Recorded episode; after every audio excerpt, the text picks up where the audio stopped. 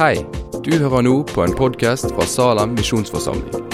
En menighet i sentrum av Bergen.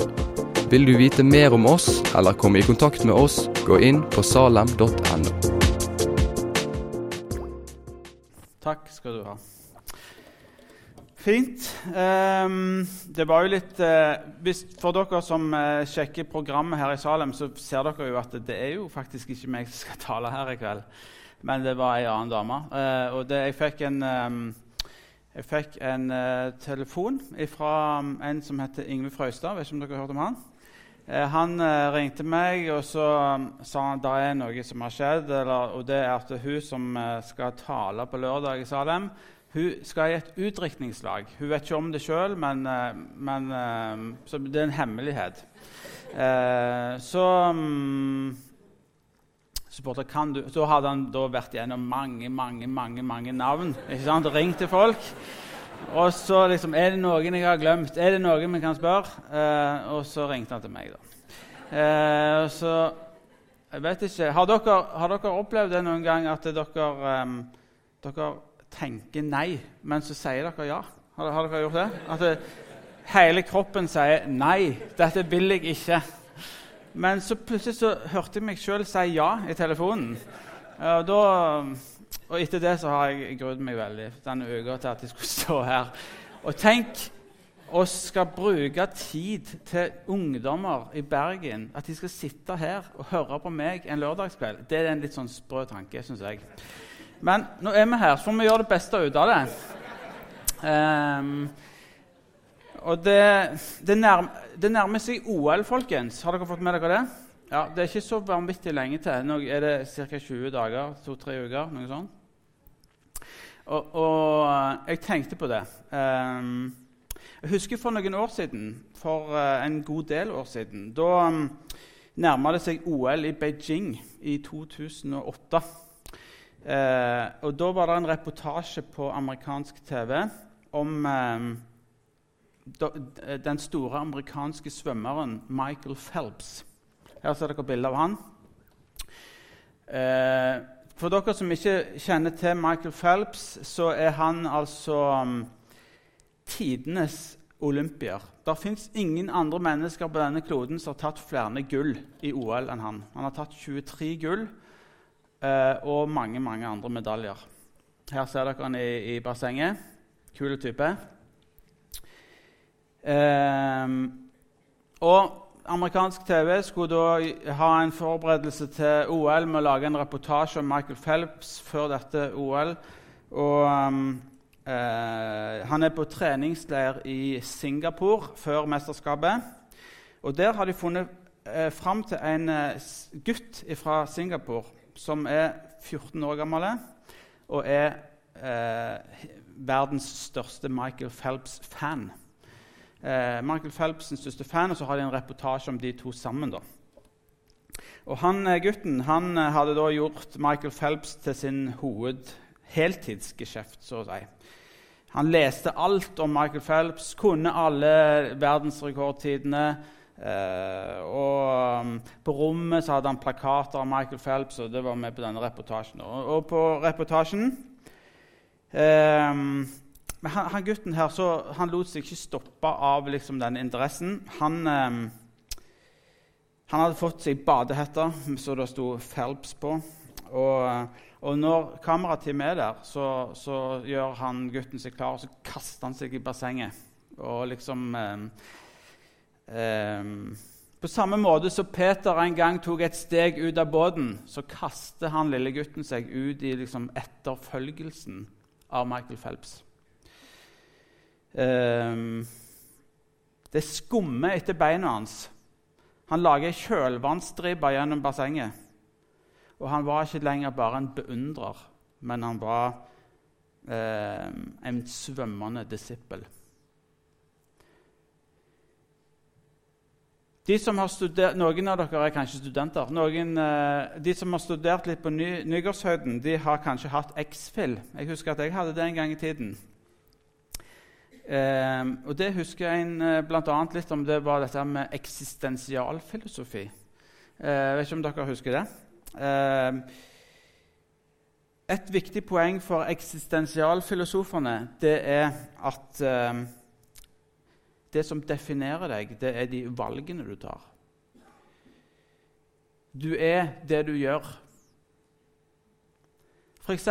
hvis jeg sier at jeg er glad i en, uh, en tur i skog og mark Det er mange som sier det. Uh, så betyr det faktisk ingenting hvis jeg bare sier det.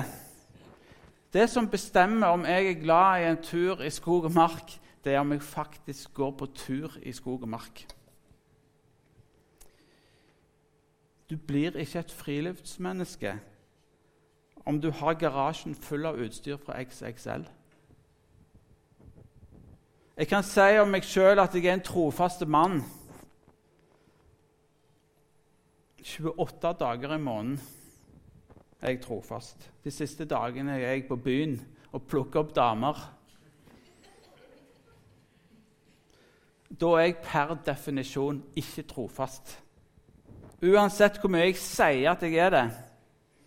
Jeg kan påstå så mange ting om meg sjøl. Men det er ikke det som avgjør hvem jeg er. Det er handlingene mine som definerer meg som person, sier eksistensialfilosofene. Det er valgene som definerer meg som individ. Og på, lang, på, lang, på langt, eh, langt på vei så er jeg enig i det. Jeg er det jeg gjør. Så hvor vil vi hen med dette? Temaet er altså disippelskap. En kirke av disipler. En disippel det er en som følger etter. Det er en som ikke bare står på sidelinjen og er svær i kjeften. Det er ikke en som bare kan ting i teorien. Det er ikke en som har en bod full av pent brukt friluftsutstyr. Ubrukte rødspritbrennere som du tenker kunne bli handy en vakker høstdag. Det er en som går i bassenget. Og Et interessant spørsmål som jeg må stille meg sjøl, og som jeg òg vil stille dere Er du en tilhenger og tilskuer, eller er du en etterfølger? Og jeg blar om i mitt manus. I hele min studenttid så var jeg her i Salem på lørdagene. Satt akkurat sånn som dere sitter nå. Satt i benkeraden og hørte etter. Nikte svakt hvis det var noe jeg var, som traff meg ekstra godt. Mm. Og så kjente jeg når jeg gikk ut i lørdagskvelden, at jeg var så enig med taleren. Det var så godt sagt, liksom. Sånn har jeg fortsatt etter jeg ble voksen. Ektemann, familiefar, svigersønn, ansvarlig samfunnsborger. Ser kanskje ikke sånn ut, men jeg er faktisk det. Stemme med valg. Måke snø. Lappe dekk på ungene mine sine sykler. På søndagen sitter jeg her som dere er en del av den store familien her i Salem, sitter og nikker svakt i benkeradene. Jeg er så enig, så enig med siste taler. Han Lilleheim, han kan jammen få sagt det. Men så må jeg spørre meg sjøl, og jeg spør òg dere Er jeg bare en applauderende og nikkende tilhører? Er det alt jeg er? Hvordan er det med deg? Jeg lar det henge og dingle i lufta. Så kan du tenke litt på det. Er det dette som eh, Dietrich Bonhoffer kaller for billig nåde? En etterfølgelse uten forpliktelse. Det var ingenting som var billig med Bonhoffer sitt liv. Han var en tysk-luthersk prest i mellomkrigstiden og en profilert kritiker av det tyske totalitære system. Prest i Berlin og motstandsmann. I 1943 så ble han arrestert og satt i konsentrasjonsleiren Buchenwald. Her fortsatte han sin prestegjerning blant sine medfanger. 9.4.1945, rett før krigen er ferdig, så får han sin dødsdom og blir henretta. Helt til det siste så viste han at etterfølgelsen og forpliktelsen henger tett sammen, og at det koster noe å stå for noe. Jesus sier at den som vil følge ham og ta opp sitt kors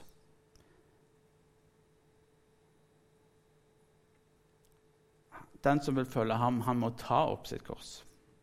Han sier at det ikke alltid kommer til å være lett. Det kommer ikke alltid til å være kult. Det kommer en tid der du faktisk må stikke halsen litt fram. Og så kommer du til å kjenne det. Og Av og til så kommer pelsen til å bli strøken feil vei. Ja, Jesus har lovt at han skal være med. Han er med i båten. Han har grepet vår hånd, og vi skal gå i ferdiglagte gjerninger og den stilen der. Men det kommer alltid til å koste noe. Jeg er livredd for det som kan skake meg ut av min komfortsone. Det gode liv. Det har blitt selve livsprosjektet for uh, norske mann i hus og hytte. Og òg for mange av oss kristne. Hvordan skal jeg ordne meg sånn at livet blir lettest mulig? Uten slit, strev og pinlige situasjoner. Penger i banken, framtidsutsikter, et slaraffenliv langs Middelhavets bredd.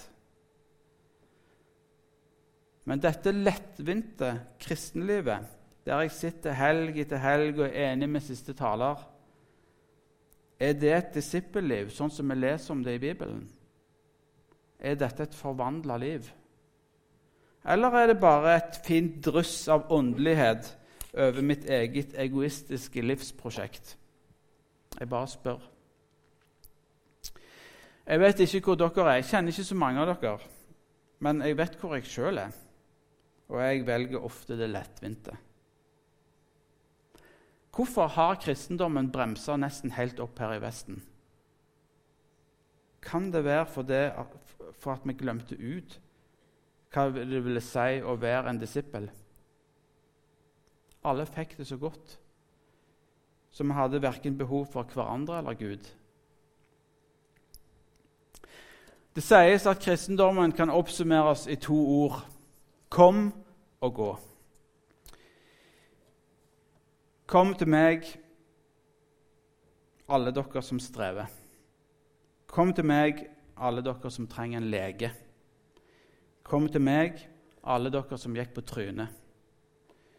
Kom til meg, alle dere som holder nesen så vidt over vannet. Kom til meg, alle dere som har en krumbøyd nakke. Kom til meg, alle dere som er avslørt. Kom til meg, dere som står nederst på stigen. Kom, kom, kom, sier Jesus. Og så tilgir Gud, gjenoppretter, retter opp bøyde nakker, gir verdighet, retning og håp. Og så sier Jesus, 'Gå'. Gå til alle de som strever. Gå til alle de som trenger en lege. Alle de som gikk på trynet, de som ikke fikk det til. Gå til de som står nederst på stigen. Gå ut og gjør disipler. Ikke bare sitt der og nikk. Gå. Rett før Jesus forlater disiplene sine, så gir han dem dette disippeloppdraget. Gå og gjør disipler. Vi skal lære dem, og vi skal døpe dem, og vi skal gjøre dem til disipler. Hva vil det si egentlig? Jesus viser oss et eksempel. Og når Jesus kommer til jorda, så velger han et interessant pedagogisk prosjekt. For det første velger han seg helt vanlige folk. Han velger seg ikke masterstudenter i teologi fra NLA. De hadde ikke fått vært Jesus sine disipler. Han velger seg ikke folk fra det sosiale, kulturelle eller politiske eliten. Han velger seg ikke folk som har innflytelse i samfunnet. Han velger seg arbeidsfolk, fiskere, en toller som var byens mest upopulære mann, vanlige folk. Selve denne utvelgelsen er en beskjed til oss 2000 år seinere. Han kan bruke deg hvis du sier ja. For det andre så velger han seg ut noen få. Det hender at Jesus taler til store folkemengder. Men 95% av tida til Jesus bruker han på disiplene sine, på de få. Det er et veldig interessant poeng. For oss så satser så vanvittig mye på dette. Og dette er altså en mann eller en dame som står på en podium og snakker med innlevelse til et publikum som tre døgn etterpå har glemt 95% av det han har sagt. Det satser vi alt på.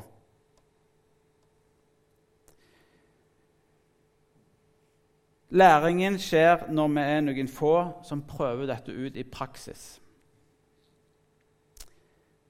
Jeg forstår at dere har jobba med et sånn medvandringsprosjekt her i Salem Ung. Jeg så eh, reklame for det her på skjermen. Jeg tror det er veldig bra. Det er en bibelsk måte å lære på. Jesus satsa hele sin tid på den lille gruppa, på de få personene. Og Den lille gruppa kan ha mange navn. Vi kan kalle den, den gruppa for mange ting. Men det er viktig at vi disippelgjør hverandre i den gruppa. Ikke bare sitte og krangle om hva Paulus kan ha meint om forskjellige emner. Gå noen steg sammen i en setting der vi kan se hverandre, be for hverandre, oppmuntre hverandre til tjeneste, be om utrustning. Det var det andre. Og så var det det tredje. Han lar dem få prøve seg. Jesus sender de ut. Han, han, det er ikke bare at han sitter og snakker hull i hodet på dem, men han sender de ut. La de få prøve seg, gjerne sammen. Av og til så har vi hørt nok. Vi trenger ikke være utlærde teologer for å kunne si noe om det viktigste i livet vårt. Jesus sender disiplene fra, eh, fra seg, lar de få prøve ting ut, og så kommer de tilbake. Fulle av spørsmål, men òg rikere på erfaringer. Jeg syns dette er veldig veldig vanskelig. Det er lett å stå og si det, men det er litt vanskeligere å gjøre det. Ta noen steg i tro Vær ferdig med det snakket. Det starter jo med bønn, selvfølgelig. Vi må be om at Jesus skal vise oss hvor vi skal være, og hva vi skal si, og hvem vi skal be for. Hvem er det jeg kan gjøre noe bra for i dag? Kan jeg kjenne forsiktig på døra til denne personen, her, om den er stengt, eller om, om han står på gløtt? Hvis han står på gløtt, så kanskje stille noen åpne spørsmål. Jeg håper at du har noen på din bønneliste som du trofast ber for. Gå gjerne sammen med noen andre og be for de personene. Det er utrolig hva som kan skje. For det fjerde Jesus modellerer et liv nær Gud. Gang på gang så viser Jesus for disiplene hvor høyt han prioriterer det nære fellesskapet med sin far, med Gud. Jesus er en utrolig sosial fyr. Nesten uansett Når vi leser om han, så er han i et selskap, eller han spiser, eller han er på tur, eller gjør et eller annet sammen med folk. Men så ofte så går han for seg sjøl. Til et øde sted der han kan få være helt i fred be.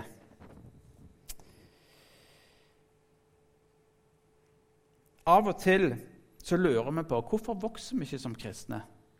Hvorfor står jeg liksom på stedet hvil år ut og år inn? Hvorfor er det ingen modning og vekst? Kan det ha noe med at jeg bruker enormt mange timer på Netflix? eller andre strømmetjenester og bare noen minutter på Gud, kan det ha noe med det å gjøre. Hvis du skal vokse i kjennskap og modenhet og vokse som disippel, så må du finne ditt øde sted. Og en tid som er bare for deg og Gud. Dere har hørt det tusen ganger før. Jeg sier det for tusen og første gang. Det går ikke hvis ikke. Hvis du velger å ikke gjøre det, så velger du på en måte å ikke vokse som disippel. Det, det, det, det må du være klar over. Et, et valg som du tar. Og så må du gjøre det hver eneste dag. Min tid med Gud det er når jeg kjører til jobb. Eh, jeg har det litt kaotisk hjemme med barn og folk som skal på trening og tusen ting. Men når jeg kjører til jobb om morgenen Jeg bor i Bergen, kjører til Os 30-40 minutter hver dag.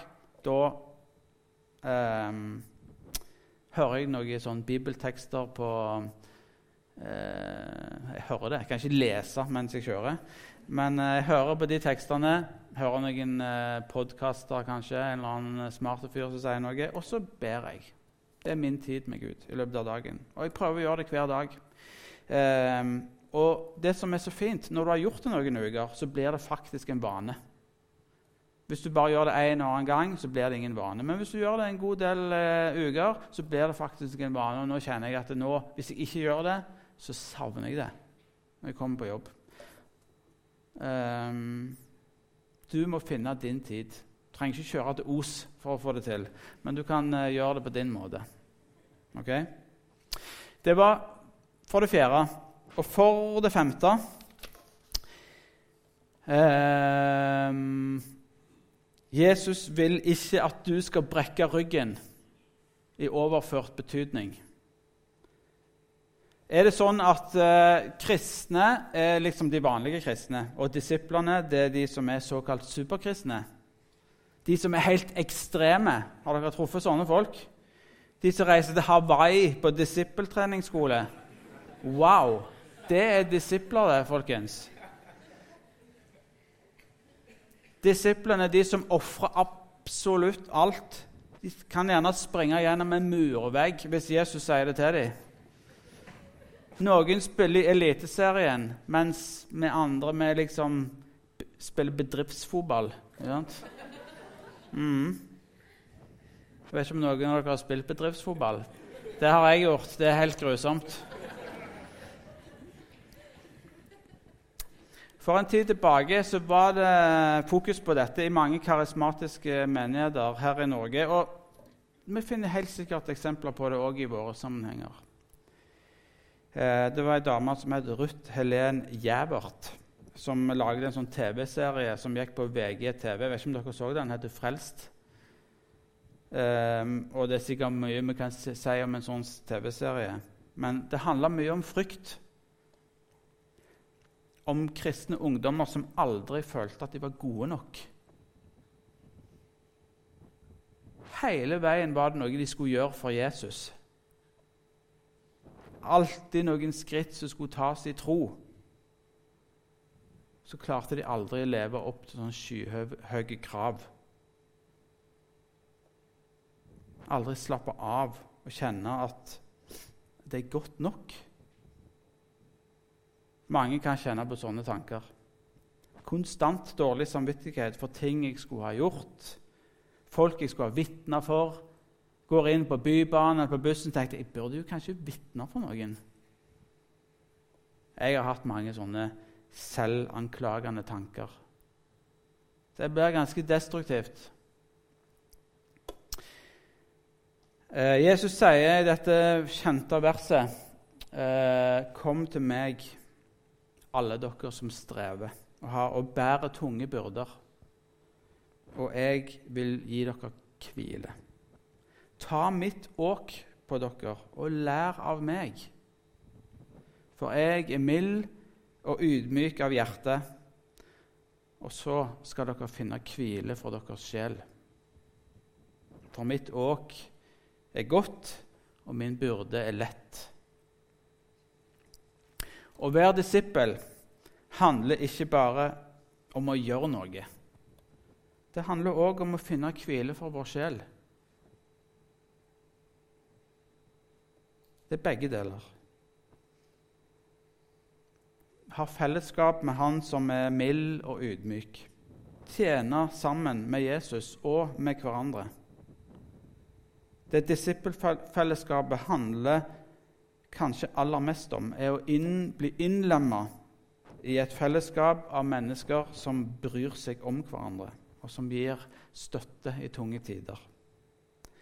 Bær byrdene for hverandre og oppfyll på den måten Kristi lov, sier Paulus til menigheten i Galatia. Og Den samme oppfordringen går ut til alle kristne fellesskap til alle tider. Og dette er òg ord til oss her i Salem. Ok, Jeg går inn for landing, jeg, folkens. Jeg vil anbefale dere et par bøker som jeg har eh, kikket litt i eh, opp igjennom. Eh, den første er ei bok som eh, bare Hvis dere har lyst til å ta det et steg videre, og ikke bare sitte der og nikke eh, så kan dere lese et par bøker og tenke at dette, her, dette må vi gå litt mer inn i. Den første boka det er en litt sånn eh, enkel bok. En helt overkommelig disippel. Dere har kanskje vært borti den? Noen? Eh, det er en som heter Knut Tveitereid, som er en fin fyr som har skrevet den. Litt sånn enkel innføring. Hva, hva vil det egentlig si å være disippel? Eh, og Han skriver om det på en avvæpnende og veldig fin måte. Måte. Hva er liksom fokuset her? Den andre boka her, av en som heter Greg Ogden, eh, som heter 'Disippelliv', det er en bok som eh, stiller litt større krav til oss. Eh, som går litt tøffere på. Den er veldig bra, den boka der. Superbra. og den er veldig go godt egnet til grupper. Hvis dere har ei lita bønnegruppe eller ei lita bibelgruppe, eller dere er bare to-tre stykker sammen, tenker ok, dette her med å være disipler det har vi lyst til å gå litt eh, dypere inn i. Vi har lyst til å sjekke litt mer ut det, hvordan kan vi gjøre det i praksis. Og han er veldig veldig bra på akkurat det. der. En helt sånn praktisk læring av hva disippellivet egentlig er. Så den vil jeg anbefale dere til dere. Greg Ogden. Hvis dere har lyst å ta et steg til. Til slutt Hva skjedde med den 14 år gamle gutten i det bassenget? Den historien der den er bare for god til ikke å fortelle. Her ser dere bilde av han på den treningsleiren i Singapore. Han gutten der, han eh, heter Joseph Shuling. heter han. Kommer fra Singapore.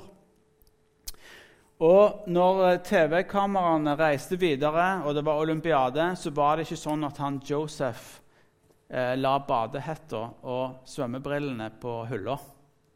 Han fortsatte å svømme i et vanvittig fart. År ut, år inn. Og fire år seinere,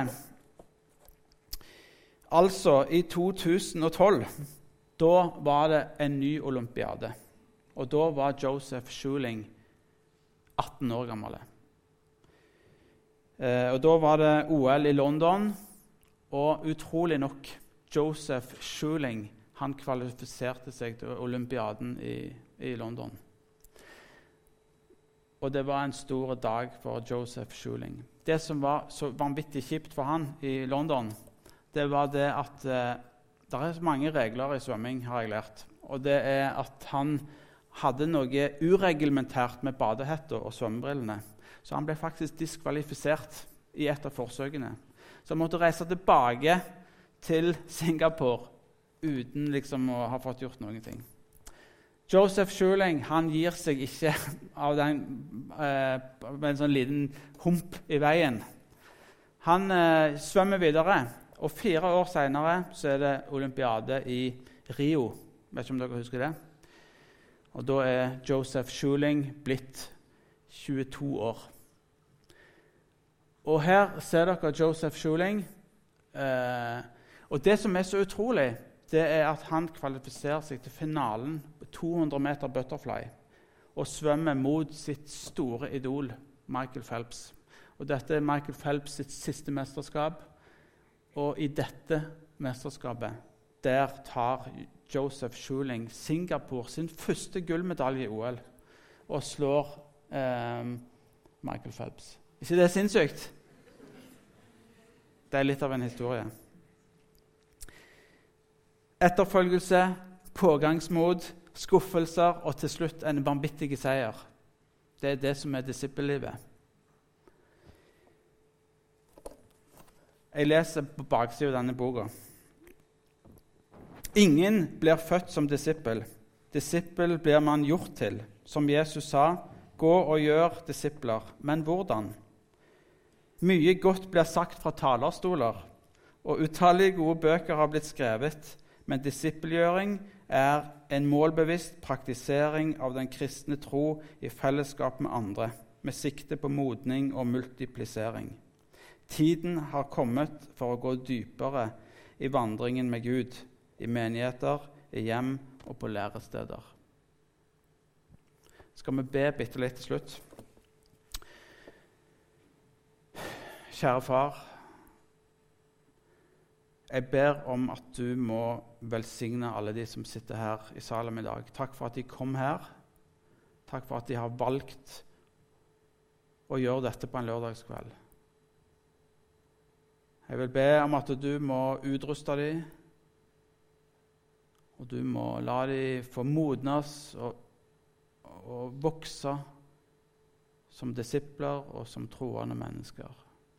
Be dem om at de må hjelpe hverandre, støtte hverandre, være et fellesskap der de kan bære hverandre. Så ber vi for alle de som vi tenker på, alle de som vi kjenner, men som ikke kjenner deg. Hjelp oss å be for dem, huske på dem, si noen gode ord til dem. Og så må du vise oss den veien vi skal gå. Amen.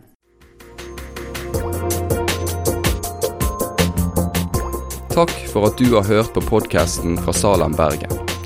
I Salem vil vi vokse i et stadig dypere fellesskap med Gud og med hverandre. Vi vil være Jesu hender og føtter, og vi vil være med og forkynne frelse for Bergen og resten av verden. Besøk oss gjerne på salem.no om du vil vite mer.